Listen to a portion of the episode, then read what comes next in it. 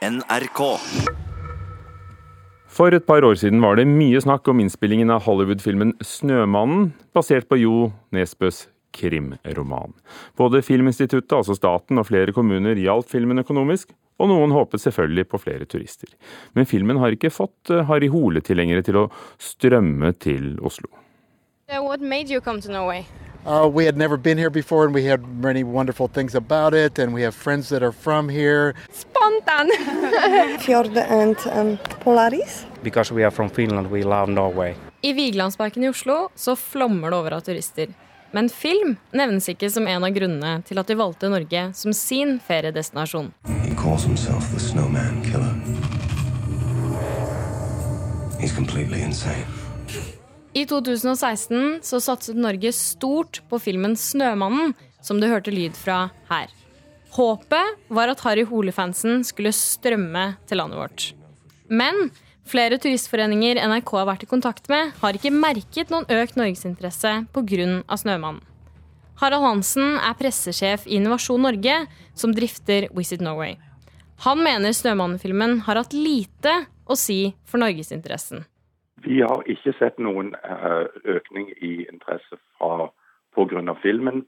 Pga. at han ikke ble sett av folk, og uh, den var jo egentlig litt mørk og, og uh, voldelig. Så du skaper jo ikke et lyst bilde av Norge. 'Snømannen' fikk ca. 40 millioner kroner gjennom insentivordningen for film, som gjør at utenlandske filmprodusenter får igjen 25% av pengene de bruker i Norge. Målet med ordningen er at utenlandske filmprodusenter skal lage film i Norge.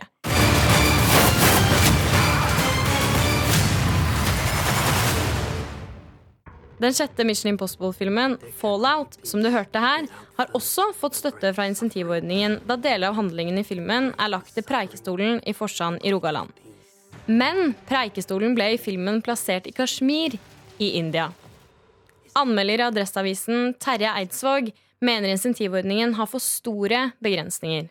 Det er et problem at det er en begrensning på ramma på, på ordninga. Det gjør jo at, at, mange av de virkelig store eh, internasjonale produksjonene så blir, eh, så blir ordninga ikke attraktiv nok. Eh, fordi at det er et tak på hvor, eh, på hvor mye penger som kan, eh, som kan hentes i ordninga. Selv om Snømannen-filmen ikke ble en suksesshistorie, mener Jan Christian Kolstø i Kulturdepartementet at filminsentivordningen har en lykkeligere tone på visa. Produksjonene av eh, 'Snømann' og 'Downsansing' genererte 142 årsverk i 2016. Og for 2017 så har Norsk Filminstitutt i årsrapporten estimert at ordningen totalt har bidratt til 80 årsverk, og at over 700 lønnstakere har vært involvert i disse prosjektene. Eh, Så samla så har, har denne ordningen vært eh, vellykka. Det syns jeg det er grunnlag for å, for å hevde. Og reporter var Kaja Andreassen. Kulturkommentator i NRK Agnes Moxnes. ehm, Var det ventet storinnrykk av turister til eh, hovedstaden etter 'Snømannen'? Ja, det tror jeg ikke det er noe særlig tvil om. Og alt lå egentlig til rette for det. Det var liksom Harry Hole og Jo Nesbø, Thomas Alfredsson regi, kjempegod. Veldig gode britisk-amerikanske produsenter. Og til og med vinterværet i Norge vinteren 2016 var jo perfekt til en innspilling av 'Snømannen'. Men så er det det da, at film og TV-serier veldig sjelden kommer med kvalitetsgarantier, og 'Snømannen' ble en dårlig film. Annonsørene trakk seg veldig fort, bl.a. annonsøren Innovasjon Norge.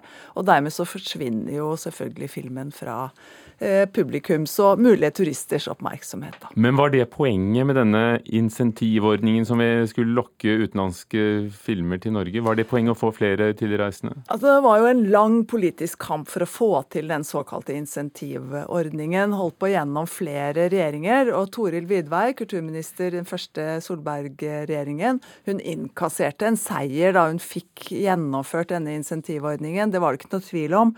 Og det hun argumenterte med, det var jo at vi har flott og dramatisk natur i Norge. Hvorfor i all verden skal ikke Hollywood komme hit eh, i stedet for å reise til Island eller New Zealand? Og, og det som da, da, lå i kortene, det var jo at det fører til større oppmerksomhet om Norge og det Norge står for. Med andre ord flere turister. Mission Impossible, den filmen mange har snakket om nå, altså nummer seks i rekken, fikk 67 millioner kroner fra, fra norske staten. Men når de da filmer på Preikestolen, eh, så ser det ut på filmen som om det ligger i Kashmir. Ja. ja, her møter jo insentivordningen virkeligheten. Fordi Hollywood de vil ha rene ord for penga. Eh, de vil ikke liksom gå inn og tenke ja, vi får litt penger, eh, en liten prosent av i filminnspillingen vår får vi eh, refundert moms på, eller får vi refundert skatte på. Andre får vi det ikke. Altså I Norge så har vi en pott som er liksom toppes. Så du får ikke så veldig mye penger. Og det Hollywood da gjør, det er at de liksom drar ut det beste av denne ordningen. Legger innspillingen av Preikestolen, hele Preikestolen her til Norge. Og så flytter de den, for de er jo kyniske. De flytter den til Kashmir, India. Og så legger de handlingen der. Og for norsk liksom, turistnæring så var jo det litt sånn skjegget i postkassa, akkurat det der. Da. Men hjelper det for filmnæringen i Norge? Ja, det er jo det uh, kultur, statssekretæren i Kulturdepartementet, Jan Christian Kolstø, sier, er at filmnæringen, altså de som jobber med film, de har noe å tjene på dette her. Det har hotell- og restaurantbransjen, transport uh, og sånt noe. Men eh, da må man jo bare liksom se denne ordningen i hvitøyet og tenke hva slags støtte er dette? Er det kulturstøtte? Eh, er det turismestøtte? Nei, det er rett og slett ren næringsstøtte, og det er vel det det bør defineres som i fremtiden også. Oslo by ga halvannen million kroner for å få Snømannen til Oslo, for å overby Stockholm. Vil de gjøre det igjen, tror du? Blir det mer, flere Harry Hole-filmer? Altså, Man lærer jo mens man lever, som det heter. Og, og her det nok, ligger nok mye kostbar lærdom i historien om Snømannen. Takk. Agnes Moxnes, vi skal til Danmark. Tror du han med paraplyen kommer her?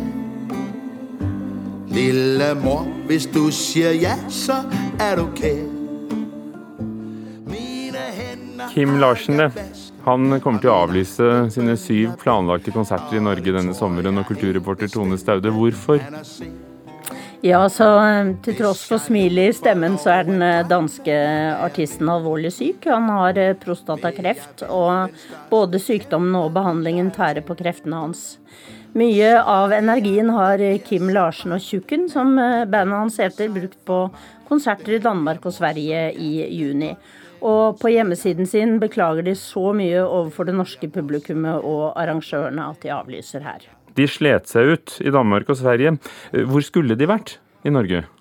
Sju konserter på ti dager ble litt for tøft for den eh, populære danske musikeren som han kalles gjerne Danmarks nasjonalskall. Han eh, skulle spilt i Arendal 26.07, deretter sto konserter i Langesund, Stavern, Tønsberg, Oslo, Stavanger og Bergen på turnéplanen. Og konsertprogrammet er dessverre blitt altfor utmattende, melder den 72 år gamle Kim Larsen, som heller håper å samle krefter til ni danske konserter i august.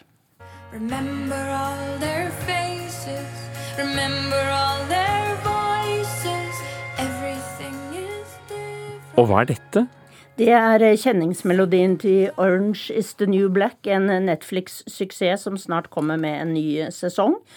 I en eh, undersøkelse i Dagbladet så svarer 43% av nordmenn mellom 18 og 29 år at de synes Netflix har et TV-tilbud som passer deres vaner og interesser best.